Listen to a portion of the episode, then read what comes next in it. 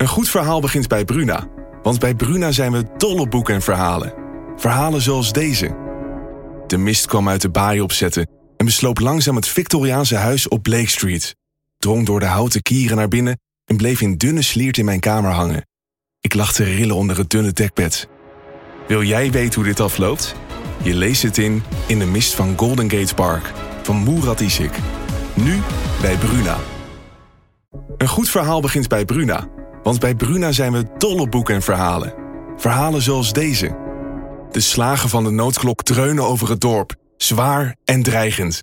Ze overstemmen de gemoedelijke drukte op de markt en alle handelingen vallen stil. Wat zou er aan de hand zijn? vraagt Oda ongerust. Wil jij weten hoe dit afloopt? Je leest het in Bloedlijn van Simone van der Vlucht. Nu bij Bruna.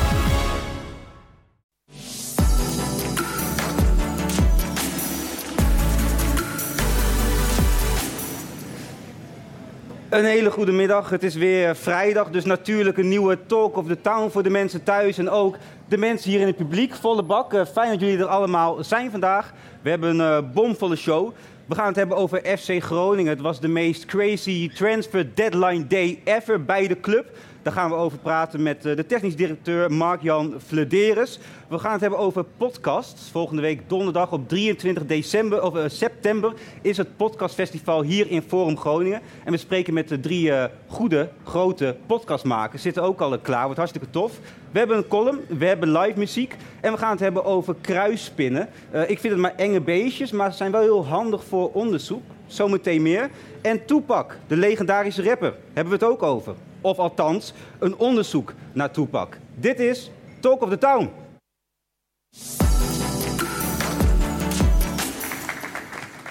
Ja, Steven uh, Gilbers aan tafel. Uh, fijn dat je er bent, man. Yes, uh, cool. Leuk uh, te zijn. Ja, ja toch? Zijn, yes. Ja, je straalt toch helemaal. Je brengt wel iets, iets mee. Ja. Hey, we gaan het hebben over jouw, jouw dokterschap. Jij bent sinds een, een, een, kleine week ben je dokter. Mogen we je dokter noemen? Ja, klopt. Het voelt nog steeds een beetje gek. Ja, wat, heel voelt gek dan? Ja, nou, altijd als ik dokter Gilbers zag, dan dacht ik aan mijn vader. Maar nu ben Ja. ik het zelf ook. Dus Vet. dat is, dat is een gek, gek Vet. gevoel. En je bent gepromoveerd op een ja, heel bijzonder gebied. eh, de spraak en rapstijl van rapper Tupac. Ja, klopt. Ja, ehm, voor mij persoonlijk een hele logische keuze. Ja. Ik ben eh, een taalwetenschapper, ik heb een passie voor taal, maar ik ben misschien nog wel veel meer een hip-hop liefhebber. En ehm, op een gegeven moment, toen ik bezig was met mijn masterscriptie en ook in de aanloop naar een PhD gaan doen, eh, want dat was mijn doel om onderzoek te doen. ehm, kwam ik erachter dat ik die twee passies kon fuseren Ja. in, een, in een project over taal en hip-hop. En, en ik had het over Tupac, de rapper. Iedereen kent hem waarschijnlijk. Ja. Eh, wat, wat heb je dan precies onderzocht? Wat is er interessant aan die man? Nou ja, Tupac, los van dat hij een super controversiële en super getalenteerde artiest was, was hij een New Yorker die op een gegeven moment naar Californië is verhuisd. En als taalwetenschapper gaat er dan een belletje rinkelen, want dan heb je in feite heb je het dan over iemand die een tweede dialect gaat leren. Ehm, dat is heel erg interessant bij Tupac, omdat Tupac niet alleen maar naar een andere regio ging, maar op een gegeven moment in zijn leven niks meer te maken wilde hebben met zijn oude regio. Even Hij- kort, waarom niet? Waarom wilde hij zich afzetten tegen dan de East Coast? in eerste instantie was hij heel cool met het oosten toen hij in Californië woonde. Alleen eh, in 1994 ging hij naar New York Ja. om een nummer op te nemen en werd daar neergeschoten. En hij werd een beetje paranoïde, maar hij begon ook deels wel legitiem misschien het vermoeden te krijgen dat mensen uit New York, uit de hip-hop scene, daar er iets mee te maken Dat die hem hadden. dood wilde hebben. Dat ze er iets mee te maken hadden en hij dacht: nee, nu is het, eh, dit hoofdstuk is dicht. Ik richt me op het Westen Ja. en sterker nog, ik ga het boegbeeld van het Westen worden in de strijd tegen de East Coast hip-hop scene. Duidelijk, en neem ons even mee. Dan gaat hij dus eigenlijk van New York naar Californië, de Ja. West Coast. Ja. En wat is er daar dan zo interessant eh, op taalgebied, op taaltechnisch gebied? Wat gebeurt er met de man? Nou, waar ik naar kijk is het African American English. Dus het, het Engels wat gesproken wordt door zwarte Amerikanen. En ehm, dat heeft, net zoals heel veel andere taalvarianten, regionale dialecten. Dus Mhm. in het oosten, in New York, praten ze ehm, over het algemeen ja, wat monotoner. Qua toonhoogte gebeurt er niet heel veel. Ja. En ritmisch is het ook heel strak. Het is een soort machinegeweerachtig achtige manier van spreken. Kan je trouwens nadoen, want ik weet ook dat jij ook rapper bent. Dat kan, ja. Als je eh, iemand als Nas pakt, echt een East Coast rapper, die, die rapt als rappers are monkey flipping with the funky rhythm I be kicking. Als je Snoop Dogg hebt uit het westen, die is meer one, two, three until the four. Snoop Doggy Dogg en Dr. Dre is at the door, ready to make an entrance. Heel veel variatie, Ja. ritmisch gezien, heel melodisch. Dat hoor je niet in, in, in New York. En ehm, zowel in de spraak hoor je dat, als in de manier van rappen. Duidelijk. Eh, wat jij net deed, ik vind het grandioos. Maar zullen we ook naar een video kijken van Tupac? Laten we dat het hij- doen. ja, ja. Laten we het doen. Can you picture my prophecy? Stress in the city, the cops on top of me. The projects is full of bullets, no bodies is dropping. They ain't no stopping me. Constantly moving while making millions. Witnessing killings, leaving dead bodies in abandoned buildings. Carries the children cause they're ill. Now I was raised as a young black male in order to get paid for to make crack sales. Caught them niggas, so they send me to these overpacked jails in the cell, counting days in this living black. Hell, do you feel me? Keys to ignition, use at your discretion. Roll with a 12 gauge pump for protection. Oké, eh, Steven, even voor de kijkers, eh, de luisteraars ook. Op het begin horen we East Coast rap. Nou, je hoort Tupac voordat hij in conflict raakte met het oosten. Dat Ja. is het eerste fragment. En het tweede is als hij helemaal het boegbeeld van het westen is... en niks meer te maken wil hebben met het oosten. Ehm, en wat je hoort... ehm, is dat hij veel ritmisch vrijer is in dat tweede fragment. Hij is veel melodischer, zijn, zijn klanken zijn langer, hij rekt het meer uit. Er gebeurt gewoon veel meer ehm, op dat gebied. En dat is niet om te zeggen dat dat beter of minder is dan het, Nee. dan het eerste, maar het is anders. Maar en het wil- is West Coast. Want ik wil net zeggen, het is interessant en je hoort een verschil. Maar hoe kan je dat academisch wetenschappelijk onderzoeken? Wat, hoe, hoe ben je gepromoveerd? Wat doe je dan? Nou ja, ik, ik heb een boek geschreven natuurlijk. Ja? Een, eh, een Heb je reclame meegenomen voor in show? Precies, Ja? precies. Hey, eh, op mijn website bestellen. Nee, Ja, nee. het is eh, beschikbaar. Stuur me maar een DM. Nee, ga Dan, eh, verder. Ik, eh, Maar goed, hij, eh, wat, ik, wat ik heb gedaan is over zijn hele leven heen allemaal opnames van hem sprekend en rappend. die gedateerd en die akoestisch, fonetisch geanalyseerd. Ja. En dan kun je heel mooi in kaart brengen op een, ja, in, in een grafiek, op een tijdlijn, wat er met zijn spraak gebeurt. En er is een enorm verschil tussen die periode ehm, waarin die anti-East Coast is en pro-West Coast, en die periode daarvoor waar hij nog neutraal was. Super interessant. Maar krijg je dan direct een go van, je, eh, van de docenten? Zeggen die dan van ga dit maar doen? Of is er ook een soort eh, ja, sceptische houding van ga je nou in hip-hop eh, promoveren, joh? Nou ja, je, je kan je voorstellen dat er ook wel heel wat oude grijze mannen eh, op die stoelen zitten. eh, die dat moeten bepalen waar het geld heen gaat Ja. en dergelijke. Dus ehm, eigenlijk wat ik heb verteld aan ze is dat Tupac is een supermooi, supermooie case study om te zien wat voor sociale factoren een rol kunnen spelen bij accentverandering. Tupac had op een gegeven moment echt een reden, had echt motivatie om anders te gaan klinken. En dat kun je meteen terugzien in zijn spraak. En die vondsten kunnen we weer, ja, ook weer toepassen op hele andere case studies. Dat hoeft niet eens over hip-hop te gaan. Wat voor reacties krijg je uit de eh hip-hop wereld? De academische wereld leg je het uit. Maar wat, wat, heb je ook mensen ontmoet die Tupac misschien nog hebben gekend? Ja, nou, dat, dat is een van de leukste dingen van dit project geweest. Dat ik ehm, eh, eh, mensen als Eric Sermon van EPMD, ehm Raka van eh, Dilated Peoples, echt mensen waar ik tegenop kijk uit het oosten, uit het westen. Die kon ik vertellen, die heb ik gesproken, die heb ik ja, verteld over mijn onderzoek. En Hoe reageren die daarop dan? nou, mind blown soms. Vooral Eric Sermon van EPMD, die kende Tupac persoonlijk heel goed. En ik vertelde hem over mijn onderzoek en hij zei... I, yeah, you could tell from the interviews and from the, from the songs that he did. I never thought about it like that. Maar hij, hij merkte het meteen dat hij onbewust al wist dat Tupac iets met zijn taal had gedaan. Tof. Ehm, maar ja, ik heb het onder woorden kunnen brengen. Zou ook mensen die je wat minder goed begrijpen. Ik heb gehoord dat Piet Hoekstra, de toenmalige ambassadeur van eh, Amerika in Nederland, Ja. ook eh, ja, jou een subsidie moest geven. Die- Klopt, klopt. Ik, had een, eh, eh, ik was gekozen voor een Fulbright-beurs, een Amerikaanse staatsbeurs, om dan onderzoek te gaan doen in de Verenigde Staten. Dat heb ik in New York en Los Angeles mogen doen. Dat is echt fantastisch. Maar de uitreiking eh, was door de ambassadeur van de VS, Piet Hoekstra inderdaad, die met zijn no-go zones en eh, een beetje een vriendje van Trump. Ja. Ehm, en die vroeg mij, hip-hop? We're funding hip hop now. it's like, well, yeah, it's your number one cultural export product, so it makes sense to me. En toen was hij, oh, oké, oké. Vet, vet, vet.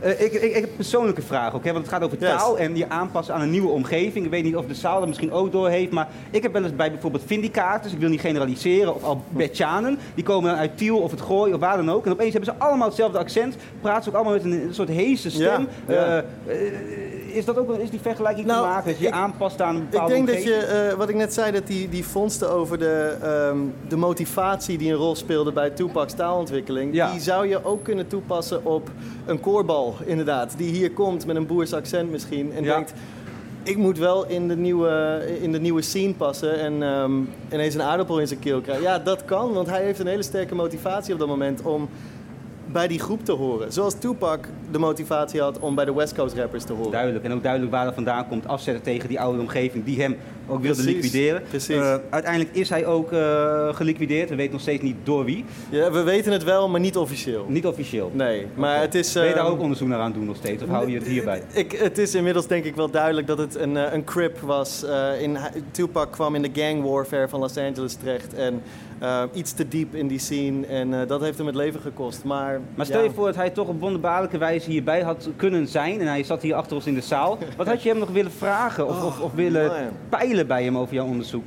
Eh, Ik had hem, denk ik, ehm, ik was nooit gestopt met praten, denk ik. Als een soort eh, eh, bakvis bij de Backstreet Boys vroeger. Ja, chill. Maar nee, ik zou hem willen vragen, denk ik, ehm, hoe hij hierover, hoe, hierover dacht. En wat Hoe denk je? Wat denk je als hij dit leest en als hij dit uitpluist? Ik kan me bijna niet voorstellen dat hij eh, dit zou lezen en zou denken... nou, dit is echt complete onzin. Nee. Er is zoveel informatie uit interviews van hem, dingen die hij zelf heeft gezegd.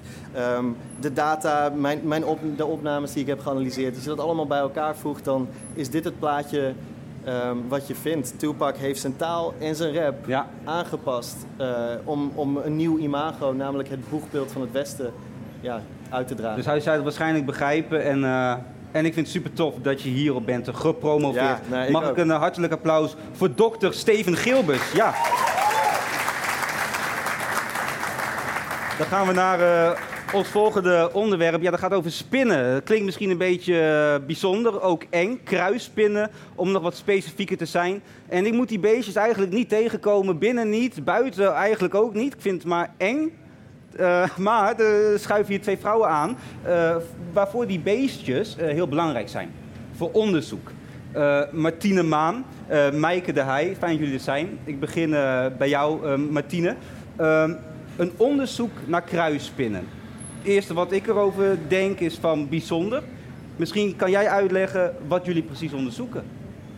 We, kijken, we gebruiken die spinnen om te onderzoeken of organismen, planten, dieren, schimmels zich moeten aanpassen aan het leven in de stad. Want de stad is natuurlijk een hele aparte omgeving, heel anders dan waar die beesten oorspronkelijk vandaan kwamen of hoe het hier vroeger was.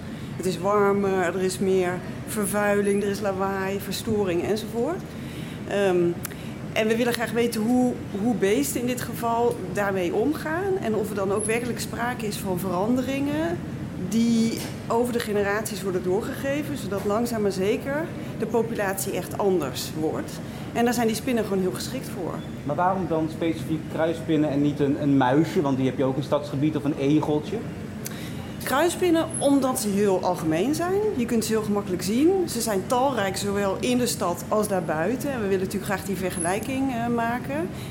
Iedereen herkent kruispinnen ook Ja. goed. Dus je raakt ook niet zo ga- gauw in de war met andere soorten of zo. En je kunt de kenmerken van het beest zelf bekijken. Dus de, de kleur en de grootte. Ehm, maar je kunt door dat web in kaart te brengen... kun je ook iets zeggen over het gedrag van die beesten. Dus dat zijn allemaal hele goede eh, eigenschappen. En, en ik, ik snap het deels, maar wat, wat is dan het doel van het onderzoek? Wat willen jullie uiteindelijk aan het eind van de rit bewezen hebben, uitgezocht hebben? Nou, we, we willen niks bewijzen, eh, want we, gaan, we staan er open in, zeg maar. We willen gewoon kijken van, zijn er nou werkelijk veranderingen? Ehm, dus we, we, we vragen mensen om ons te helpen waarnemingen in te sturen. En uiteindelijk proberen we dan gegevens te verzamelen over de kleur van die spinnen, de grootte van de spinnen en hoe groot het web is en ook hoe groot de maaswijte is. Hè? Dus hoe groot de gaten in het web zijn. Maar dan eh, voor de duidelijkheid, het verschil tussen spinnen in het stadsgebied en, en, en daarbuiten. Precies, ja. En, en, en wat, wat verwachten jullie van... Want ik kan me voorstellen dat spinnetjes eh, in de stad zich anders misschien evalueren, aanpassen dan in een dorpje. Ja. Is, is, dat ook, is dat de verwachting ook? Ja, dus we denken dat de omstandigheden in de stad weer zo anders zijn dat je als spin je anders moet gedragen of er anders uit moet zien. Dus bijvoorbeeld een van de kenmerken is de kleur. Ja. Ehm, in de stad heb je andere prooidieren en een andere temperatuur dan in het buitengebied. En we denken dat dat de kleur van die beesten wel eens zou kunnen beïnvloeden. Dus bijvoorbeeld dat ze in de stad donkerder of juist lichter gekleurd zijn omdat ze eh, te maken hebben met hogere temperaturen. Ja. En dat heeft te maken met hoe je je, je lichaamstemperatuur reguleert. Eh, maar ook dat ze meer of minder opvallen voor vogels bijvoorbeeld, die ze, die ze eten. En, en eh, ik ben woensdag bij een lezing van je geweest. Daar had je het over eh, ja, talrijke dieren, niet alleen de kruispin, maar je hebt natuurlijk eh, musjes in de stad, je hebt vele andere vogelsoorten, je hebt egels. En, en die passen zich toch, zien we, aan aan een stadsgebied. Is dat een goed teken of niet?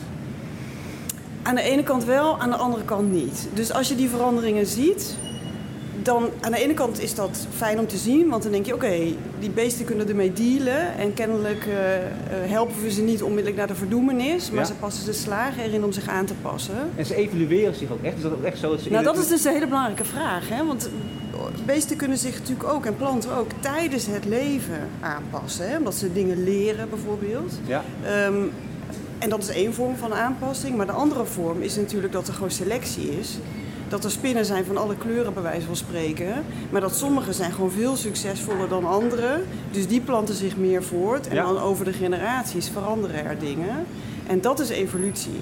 En we willen heel graag weten wat er aan de hand is. Of er werkelijk dit soort processen over de generaties, dus echt evolutie gebeurt in de stad. Interessant. Maaike, dan kom ik bij jou. Coördinator van het project ook, want jullie willen het niet zelf doen. Jullie hebben de hulp van de burgers van ons eh, nodig. Eh, kan je dat uitleggen? Hoe, hoe willen jullie dit samen met burgers gaan doen? Ja, we zijn eh, een soort samenwerking gestart met Forum Groningen. Eh, nou ja, de Rijksuniversiteit Groningen. Eh, ik werk voor Science Links, het Science Center eh, van, van de universiteit. En met eh, Alette Jacob School of Public Ja. Health. Die kijken dus meer naar gezondheid. En zo zijn we drie partijen die samen het Curious project zijn gestart. En daar kunnen wij bij helpen. En daar kunnen jullie bij helpen. En hoe dan? Nou ja, eh, om mee te doen aan deze meetactie. En we doen meerdere meetacties, want we willen eigenlijk nou ja, nieuwsgierige Noorderlingen aanzetten tot het doen van wetenschap. Maar hoe help je dan mee? Als ik zo meteen denk, ik wil meedoen, ik wil die kruisspinnen opmeten, ik wil ze eh, fotograferen. Moet ik ze ook aanraken? Eh, nee, je hoeft ze niet aan te raken. We vragen mensen om zich via de forum-website eh, Curious zich aan te melden voor een meetactie. En dan krijgen ze een kaartje toegestuurd. Ja, Eh, dit voor het publiek. ja. En daar staat een, een schaal op om, en een kleurenschaal. en dan moeten ze dat nou ja, naast of achter de spin houden. Dus dat is wel een klein beetje eng, maar ja, ja, wel heel dat, dat leuk. zetten we ons wel overheen. En die foto, doel, die moeten ze uploaden naar een website. En daar gaan wij mee aan de slag. Duidelijk. Eh, wat, wat, nog één oproep van jou aan de mensen die nu kijken en denken, ik, begrijp het deels, we willen onderzoek doen naar dieren, hoe dat misschien verschilt tussen de stad en het platteland. Maar je denkt nog steeds van, ik weet niet of ik dan naar de metotheek moet en eh, mee wil doen of post wil ontvangen. Waarom moeten mensen meedoen? Nou, ik denk, zelf ben ik ook een beetje bang voor spinnen. En, eh, maar ik word steeds minder bang.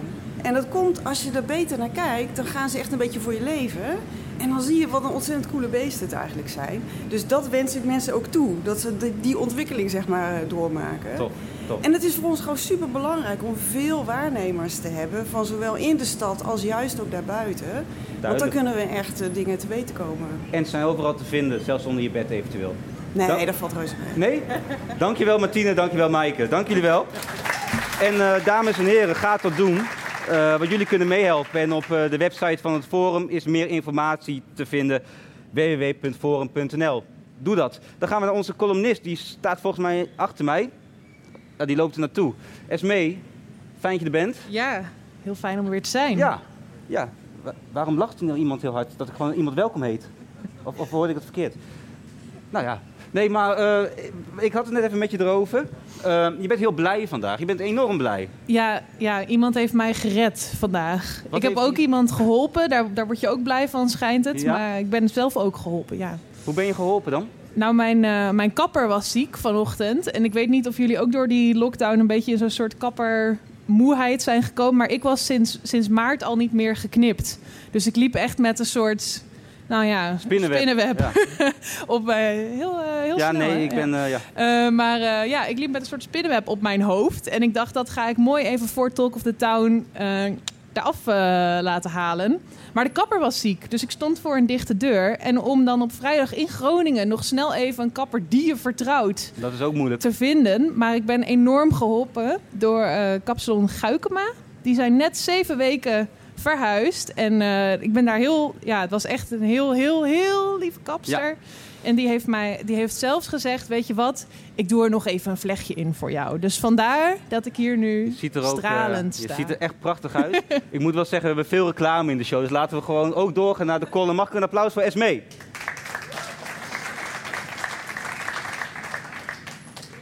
De column heet Walvisje. Mijn navigatiesysteem is verouderd en daarom rijd ik soms verschrikkelijk om. Zo kwam ik laatst terug uit Amsterdam via de afsluitdijk. Ik wist niet hoe het gebeurd was, maar ineens reed ik daar langs het bordje Waddenzee. Ik dacht aan mijn collega-schrijver Anne Goitske Breteler. Zij groeide op in Noordoost-Friesland, studeerde in Amsterdam en keerde daarna terug aan de voet van de zeedijk. Ik vind het heerlijk om mail van haar te krijgen. Want in haar automatische mailhandtekening staat een klein pentekeningetje van een walvis. Dat walvisje herinnert me er telkens aan dat ik vaker moet wachten met mijn oordeel en dat er grijs gebied is. Dat komt door dit boek. Weer reclame maken. De Traanjagers heet het. En voor dit boek interviewde Anne Goitske naoorlogse walvisvaarders... die ze nog kende van haar bijbaantje in een voormalig walvisvaarderscafé. De Nederlandse walvisvaart, voor mij was dat ja, een soort walgelijke praktijk uit de 19e eeuw. Maar door de traanjagers weet ik inmiddels dat er ook een andere kant was aan die walvisvaart. Dat die hard nodig was tijdens de wederopbouw na de Tweede Wereldoorlog... om honger te voorkomen als ik voor het lezen van dat boek een van de mannen eruit tegen het lijf was gelopen en hij had me over de walvisvaart verteld, dan had ik hem geen blik meer waardig gekeurd. Maar die oude mannen, weet ik nu, waren toen jongens en ze hadden families om te helpen. Ik zag deze week in het NRC dat er vlakbij het huis van Anne Goitske een aantal gasvelden aangeboord gaan worden door de NAM. De provincie Friesland wil het niet, de gemeente wil het niet en de bewoners willen het ook niet. Die vrezen namelijk Groningse toestanden in dit stukje UNESCO Werelderfgoed.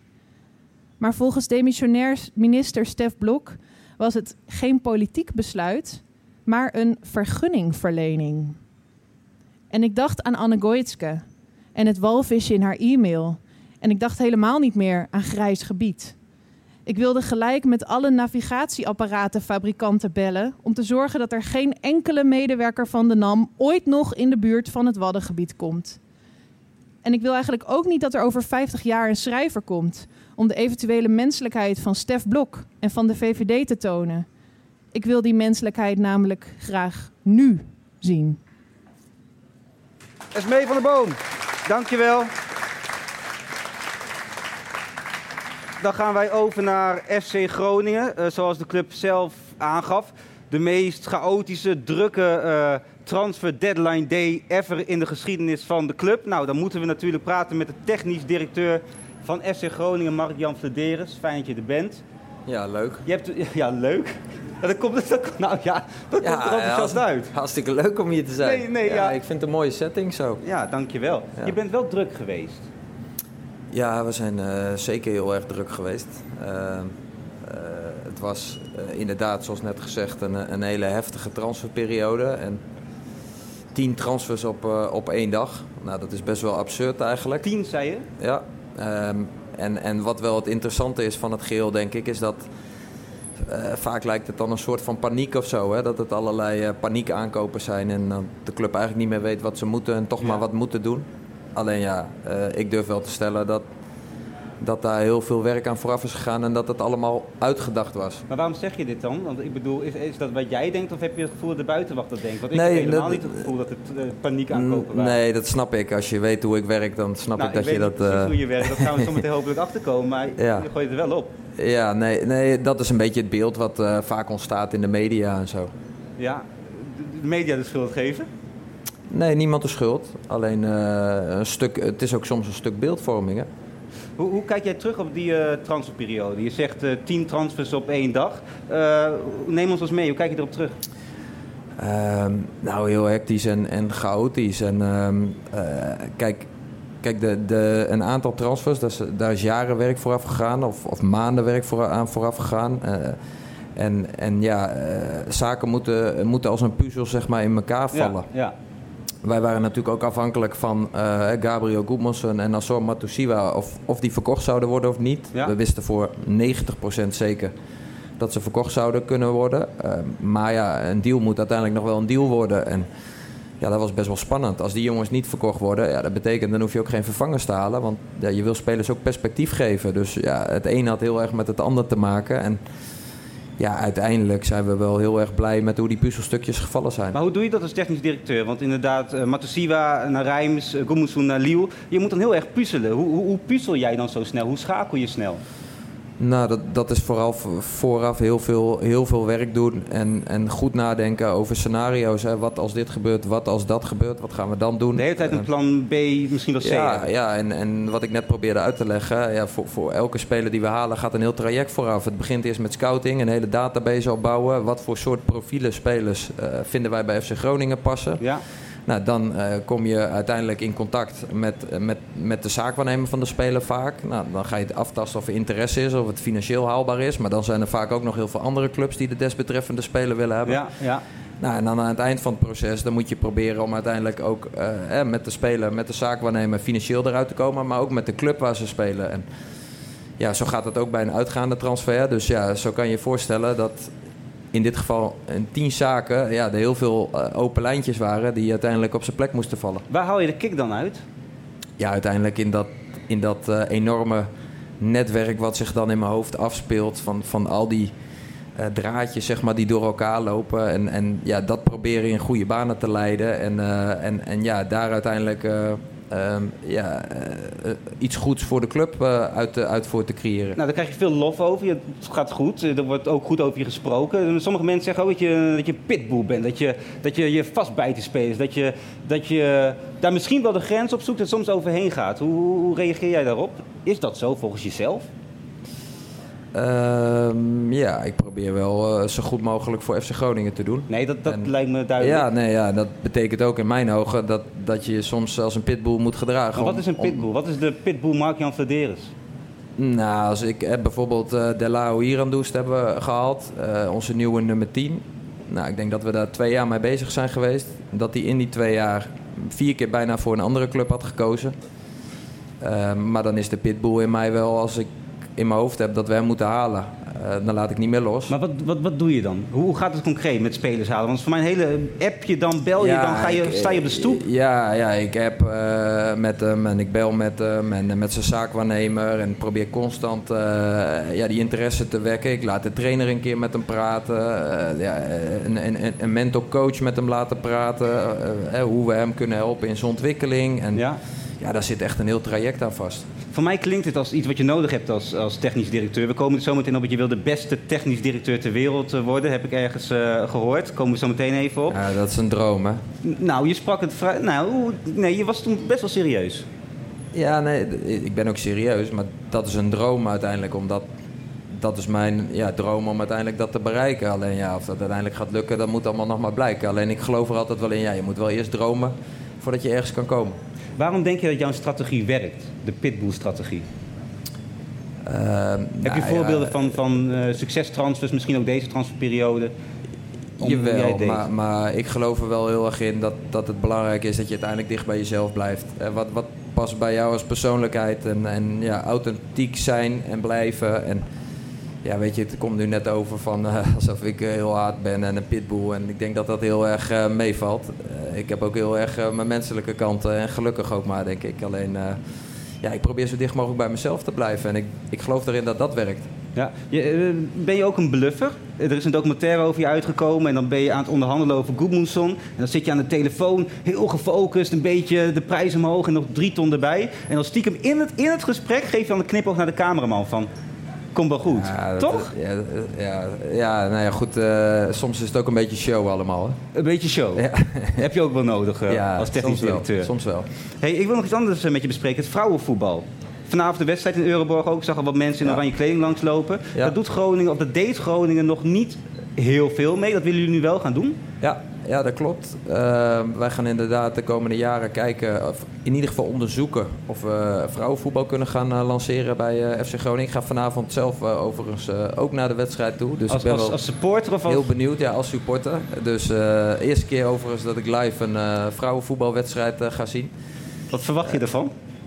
Weet ik niet, want het is voor het eerst. Dus we gaan het zien. Wel interessant. Maar we gaan inderdaad ja, kijken of we daar iets mee kunnen. Vrouwenvoetbal is een van de grootste of snelst groeiende sporten op dit moment eh, eh, in de wereld. Dus eh, ja, ook, ook, ook wij verwachten dat daar in Groningen en omstreken dat daar zeker interesse voor is. Ja, Marian, we hadden het voor de uitzending al even over. Een paar jaar geleden was je nog voetballer, hè? En nu zit je dan toch, wat ik al zei, over, over miljoenen te praten. Over bonussen hier. Het is ook financieel, het is management.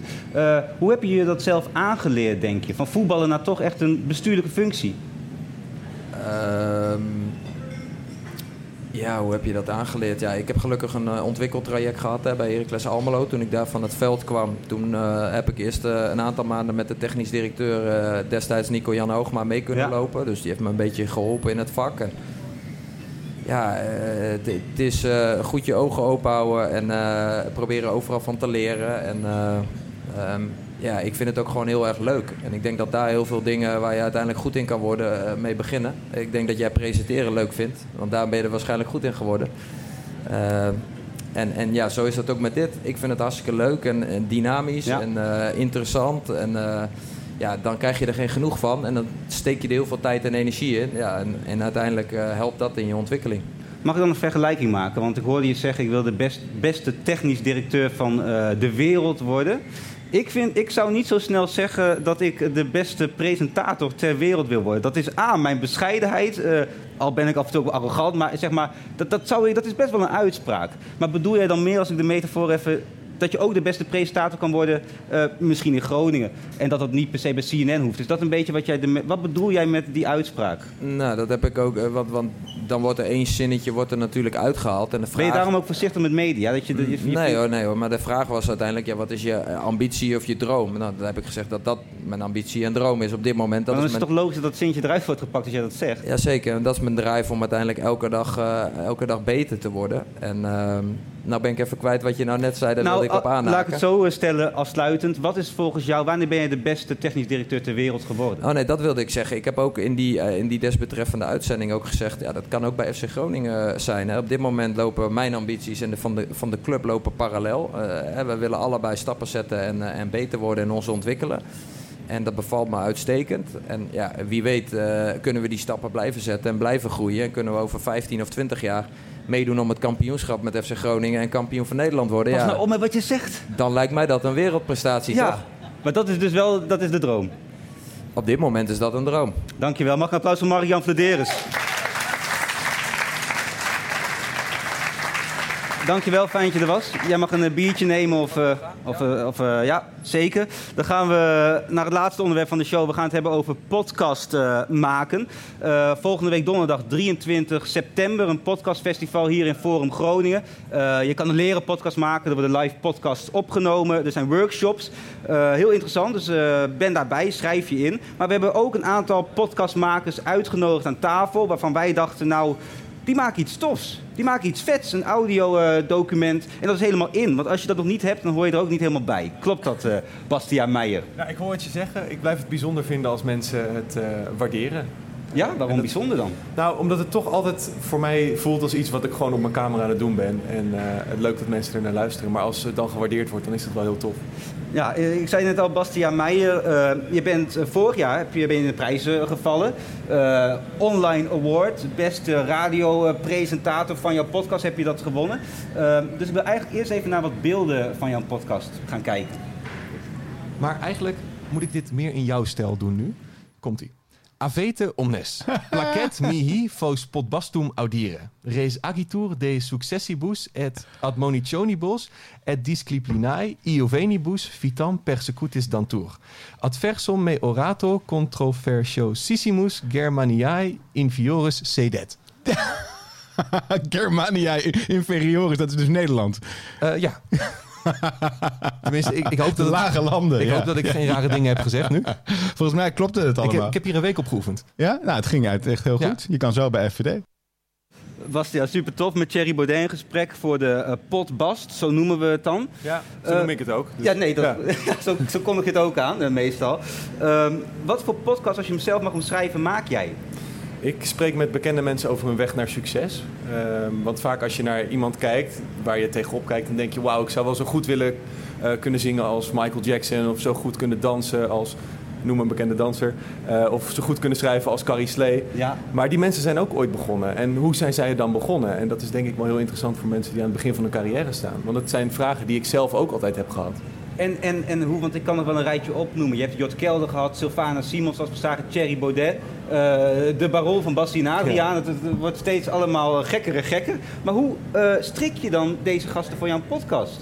Nou, het begin was vooral netwerk. Dus de baron, wat je zei, Paul van Gorkum. daar is het idee ook ooit begonnen in de tuin. Eh, we hadden het een beetje over dingen die ik tijdens mijn stage had meegemaakt. Ik had hem ooit een keer in een radioprogramma gehad. En toen zei ik, ja, ik had op mijn stage had iemand kritiek op mij. Hoe ben jij daar dan mee omgegaan? En toen zei Paul, theatraal als hij was, nou, ik ben wel eens weggelopen uit een theater. Omdat ik het niet eens was met wat de regisseur zei. Toen dacht ik, oh, wat grappig, zo kan dat dus ook. En ik keek, hoe kan ik dat dan toepassen op mijn eigen carrière? Dus uiteindelijk, eh, hoe, hoe regel je hem dan? Paul, die kende ik dus al. Ja, de tweede ja. gast was Willy Broert-Frequin. Daar heb ik toen ook eh, een keer al een, eerder een afspraak mee Je hebt gehad. wel Dus- markante figuren, joh. ja, dus het begin was vooral netwerk. Eh, en daarna eh, is het ook gewoon mensen mailen of een berichtje sturen van... hey, vind je het leuk om langs te komen? En, en waarom denk je dat jij goed bent? Je bent in de prijzen gevallen, je strikt al deze eh, gasten. Wat, maakt jou, wat is jouw unique selling point? Nou, ik denk dat het verschil tussen Podbast en andere podcasts in deze klasse kan zijn dat ik, ik ben niet uit op de sensatie. Ik zit daar echt omdat ik geïnteresseerd ben in de gast. En ik ben daar niet om een nieuwsquote te halen of mijn... Ja, het komt vanuit een oprechte interesse. Ik denk dat dat de kracht is van de Podbast. En, en wat, is het, eh, wat, wat, wat komt direct bij je op nu een gesprek dat ik heb gehad, dat jij hebt gehad, eh, wat je zelf heel leuk vond of, of goed? Nou, uiteindelijk, nee, degene die je net zag met Thierry, daar ben ik zelf heel trots op. Omdat het voor mij een heel moeilijk gesprek was. Want? Omdat het voor het eerst was dat iedereen om me heen al een mening had voordat ik was begonnen. Je kreeg kritiek. Ja, en dat mensen dus me hadden opgebeld van je moet dit echt niet gaan doen, want dan is je podcast klaar. Als je Eh, dat wil, dan, dan word je gecanceld Ja, precies. Dan word je gecanceld. Er wil niemand meer bij je zitten. Dus daar ben ik enerzijds heel trots op. Maar Waar ben je dan trots op? Op de, op de inhoud Nou, dat, dat je het- hebt doorgezet? dat het gelukt is. Dat ik toch heb gedacht van hé, ik hou toch vol. Ik, ik, ik heb mijn idee hoe ik het wil gaan doen. En het is gelukt. Het is goed uitgepakt. Maar een andere waar ik heel trots op ben, echt altijd, nou, ja, waar ik altijd heel erg blij aan terug Ja, ben. dat mag, je mag trots Ja, zijn. nee, waar, waar ik altijd heel erg om moet lachen nog steeds is Kim Holland. Oh ja. En dat komt vooral om het verhaal daarna. Want eh, Kim en ik hebben een foto gemaakt samen. Alleen een foto gemaakt samen? Nee, en we hebben ook een podcast opgenomen. Nee, maar ik ben... Nee, Ja, ja, nee. ja, ja. Ja, nee, we hebben geen... Ja, ook, Nou ja, nee, ja, ja. Eh, oh, dat komt op mijn OnlyFans binnen. Ja, ja, ja, dat is maar, prima. eh, nee, we hebben, hadden een fotootje gemaakt en op een bank. Ik dacht dus dat ik bij Kim thuis was in Den Haag. Eh, maar op, ik ging op een gegeven moment haar volgen op social media. En toen op een gegeven moment een berichtje, een nieuwe video online. Ik denk, hè, dat uitzicht ken ik. Dus ik klik dat aan. En die bank waar ik had gezeten was dus niet haar thuisbank. maar dat was dus gewoon de porno Ja, echt? set. Ja.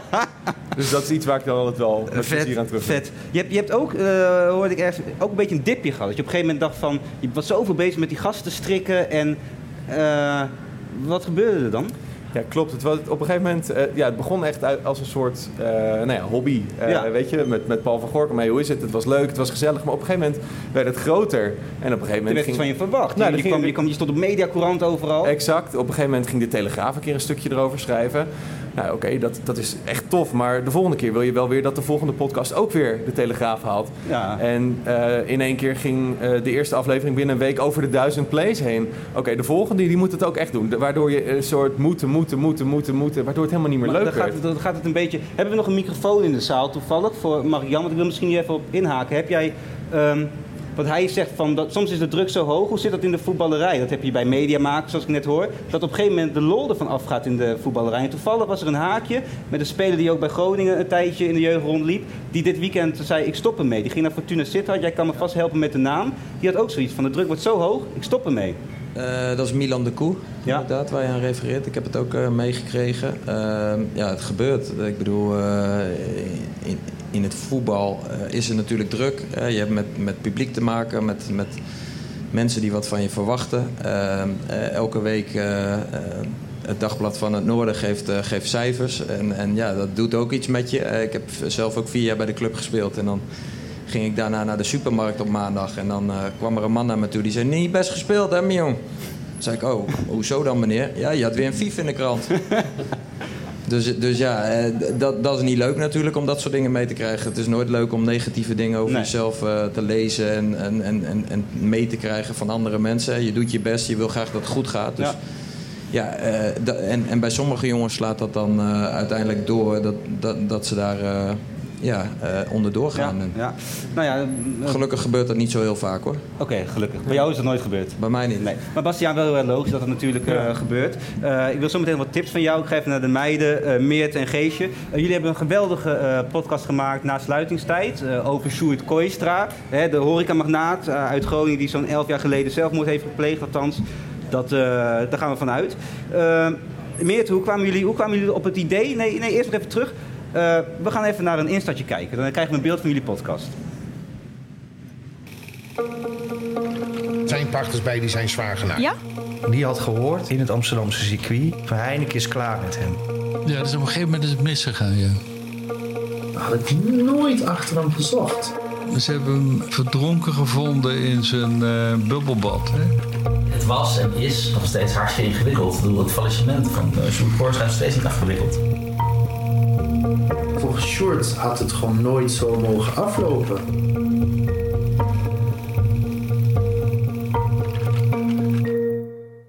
Sluitingstijd. Uh, als je de zes afleveringen hebt gehoord, wat heb je dan gehoord?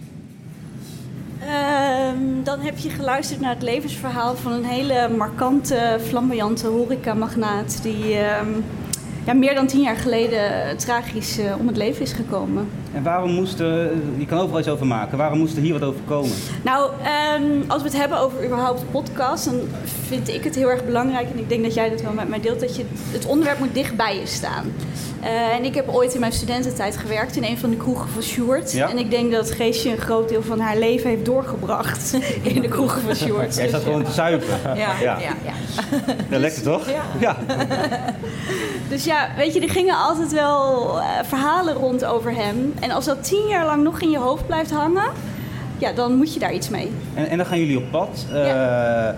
Uh, de podcast voert je langs allemaal gesprekken van Job Cohen tot de advocaten, tot de vriend van Sjoerd, uh, tot uh, eigenlijk alles wat met die man te maken had. Kan je daar een paar spannende momenten uitlichten waarvan je denkt, dat vond ik zelf ook spannend om, om te vertellen, om op onderzoek te gaan? Nou, ik denk, ja, Oscar Hammerstein, dat is een hele bekende advocaat, daar hadden we heel veel over gelezen. We lazen dat hij iedereen er nog wat aanklaagde voor van alles en nog wat. Dus wij gingen daarheen, ja, wel een beetje van, wat gaan we nu verwachten? En hij was zojuist de advocaat geweest van Nabil B. En dat was ook heel groot geweest. Dus wij dachten ja. ook, nou, daar, daar, komen we nooit. Want hij is natuurlijk super uh, beveiligd. Dat, dat hadden wij gewoon even zo bedacht. Dat zal dan wel. Maar goed, we belden hem op en hij zei, ja, leuk, kom maar. Ja? Ja, ja, ja letterlijk. Ja, dat was heel vreemd. En toen zei hij, ja, ik woon hier en hier en uh, gezellig, leuk. En uh, nou, dat was een hele merkwaardige situatie, maar natuurlijk heel fijn voor ons. Maar ik kan me ook voorstellen, want, want velen willen een podcast maken. Jullie maken hem dan. Uh, jij hebt prijzen gewonnen. Die van jullie loopt ook supergoed. Uh, wordt per dag volgens mij 2500 keer gedownload. Dat is, dat is echt heel veel. Um, wat, is het, wat, is het gouden, wat is de gouden tip als een podcast maken, als succesvol podcast maken? Want jij zegt al van we komen bij zo over de vloer. Moet je wel fixen. Ik bedoel... Um, nou, wij maken, we hebben deze podcast gemaakt puur uit interesse. En ik denk dat mensen dat gevoeld hebben van... oké, okay, je snapt echt een beetje waar je naar op zoek bent. En de gouden tip is denk ik toch wel echt... ga het gewoon doen. Mm -hmm. En dat klinkt makkelijk gezegd, maar... Zo, wij zijn het gewoon gaan doen en we zijn op onze bek gegaan. Tien keer, misschien wel twintig keer. Maar ja, dat heeft wel een heel mooi resultaat opgeleverd. Ja, ja duidelijk. En, en heb je dan ook heb je nog meer tips? Want wat jullie doen, eh, jij interviewt mensen, jullie hebben het ook ondersteund met heel veel muziek, geluidsfragmenten, spanningsopbouw. Hebben jullie tips voor makers die er een extra laagje aan willen geven? Ja, ik denk dat dat was een van onze eerste, want we vonden het super spannend. We gaan het voor de eerste keer doen. We moeten een goed team om ons heen hebben. Want alleen dan eh, lukt het. Dus Ja. we kenden iemand die hele mooie muziek maakte. Die moeten we erbij hebben. En eh, we moeten een goede eindredacteur, we moeten een scheidsrechter hebben. Want wij vechten elkaar natuurlijk de haren uit. Want dit moet erin. Ik dacht, Ja, hebben jullie veel ruzie? Hebben jullie ruzie gehad tijdens de opnames? Nee, wij lagen eigenlijk altijd wel op één lijn. En anders dan, we hebben wel elk woord besproken en gediscussieerd we hebben erover. elkaar wel maar- aangekeken zo Ja. van, ik kan niet meer. Ja? ja, ja, zeker. Ja. Heftig. En, en waarom kiezen jullie voor, dat is een vraag voor jullie alle, voor alle, waarom kiezen jullie voor podcast? Want dat is ook interessant voor de huidige podcastmakers en niet voor beeld of voor eh, documentaire, eh, video. Waarom, waarom dat audiogeluid? Ja, als ik voor mezelf mag spreken, ik vind niks magischer dan dat iets tot leven komt met audio. Je kan als luisteraar echt nog helemaal je eigen beeld erbij creëren en je er helemaal in verliezen. Ja. En dat kun je natuurlijk alleen als je iets luistert en zelf creëert in je hoofd. Ja. Ja, en ik wilde eigenlijk de, die sfeer zoals bij Paul van Gorkum in de tuin nabootsen, weet je. Maar uiteindelijk, ik ben het wel gaan filmen later, omdat er ook mensen waren die het wel wilden luisteren, Ja, maar niet ik. een uur konden luisteren of wilden luisteren. Dus dan kan je wel kijken. Maar ik, ja, ik vind audio, het is gewoon fijn. Je hoeft nergens op, je kan ondertussen gewoon andere dingen doen en je kan gewoon luisteren. Hey eh, dames, eh, komt er nog een vervolg op jullie eh nasluitingstijd? Want er zijn weer nieuwe ontwikkelingen ook over het proces, Sjoerd Kooistra. Als er nieuwe ontwikkelingen zijn, ja, in september is er nog een rechtszaak die loopt. En eh, dat volgen we wel op de voet. We gaan, als er echt iets is, dan gaan we daar zeker iets mee doen. Maar dat is nog niet rond, het is nog niet eh in kan en kruid. Nee, dat hangt echt van je, want het gaat om eh, de laatste rechtszaak in het faillissement van Sjoerd Kooistra. En dat wordt al een aantal jaren opgeschoven. Dus dat is wel echt even waar het van afhangt. Dus het kan zomaar nog een jaar duren. Hebben jullie het gevoel, ik bedoel, jij praat echt met mensen die nog leven, tenminste, daar ga ik vanuit. Eh, hebben jullie het gevoel dat jullie eh Sjoerd kennen? Ja. Ja? Ja? Ja, ja, ja, ja. Nou ja, goed, je hoort zoveel verschillende kanten van hem, van zoveel verschillende mensen. Eh, ik denk, ja, dat, en kijk, uiteindelijk nee, natuurlijk niet. Want hij is er niet en wij hebben hem nooit ontmoet. Maar ja, gevoelsmatig, ja. Ja, wij hadden ook ergens wel halverwege het proces dat we... Bedoel, hij heeft gewoon heel veel mensen gedupeerd. Een Ja. keiharde zakenman. Maar wij doken in zijn persoonlijke leven... dat we ook wel een beetje tegen elkaar moeten zeggen... oké, ik kreeg echt een beetje medelijden met hem Ja. op den duur. Dat je toch anders naar hem gaat kijken. Om het af te sluiten, misschien nog een teaser. Waar, waarom moet iedereen luisteren naar de, de potbast? Je luistert naar de potbast om eh eh, carrièrelessen te horen en om te horen hoe andere mensen het hebben gedaan. En dat je er dus niet alleen voor staat, want iedereen maakt precies dezelfde dingen mee, wat je beroep ook is. Waarom eh, na nasluitingtijd? Gistje, de eer is aan jou. Kort en krachtig. Oké, nee, ja, heel serieus. Als je op zoek bent naar een whodunit, moet je niet luisteren.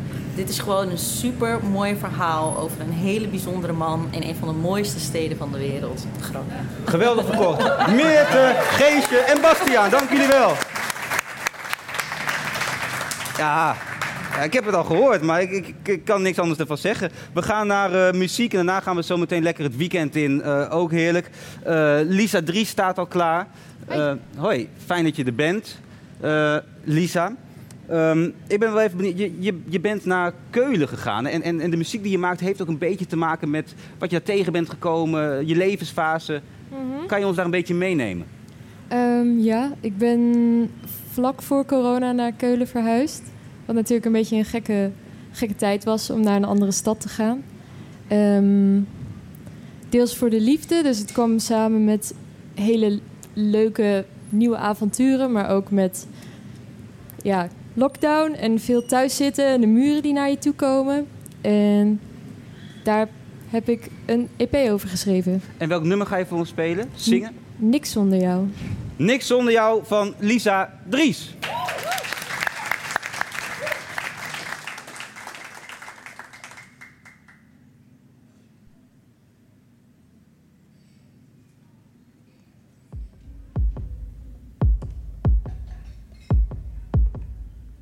Hele dagen, hele dagen. Hele dagen, dagen, dagen samen. Hele dag samen in een deken van beton. Wilde buiten, maar dat ging niet in een stad als deze. Je wilde weten of we samen konden kijken naar de zon.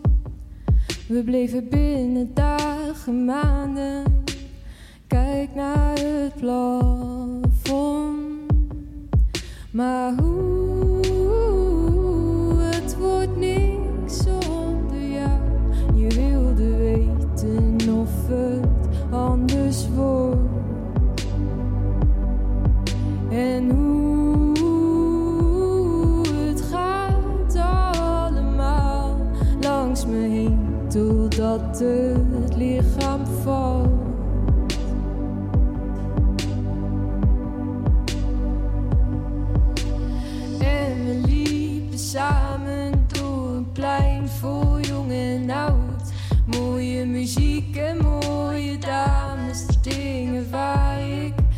Van hou. We zouden zingen, we zouden huilen, we zouden lachen, we zouden doen. Tot de hele dag weer anders werd dan het begon. Maar hoe,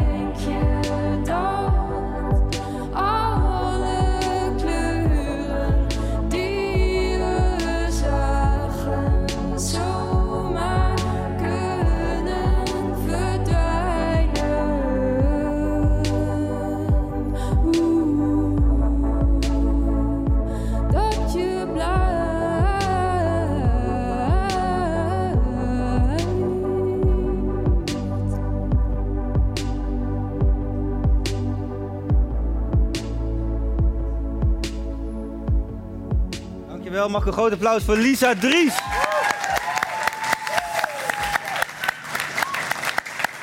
Ik wil alle gasten bedanken, publiek bedanken en de mensen thuis natuurlijk bedanken. Volgende week zijn we er weer. Dan zit hier Lara Harbers. En voor nu een fijn weekend. Drink veel bier en geniet ervan. Tot volgende week.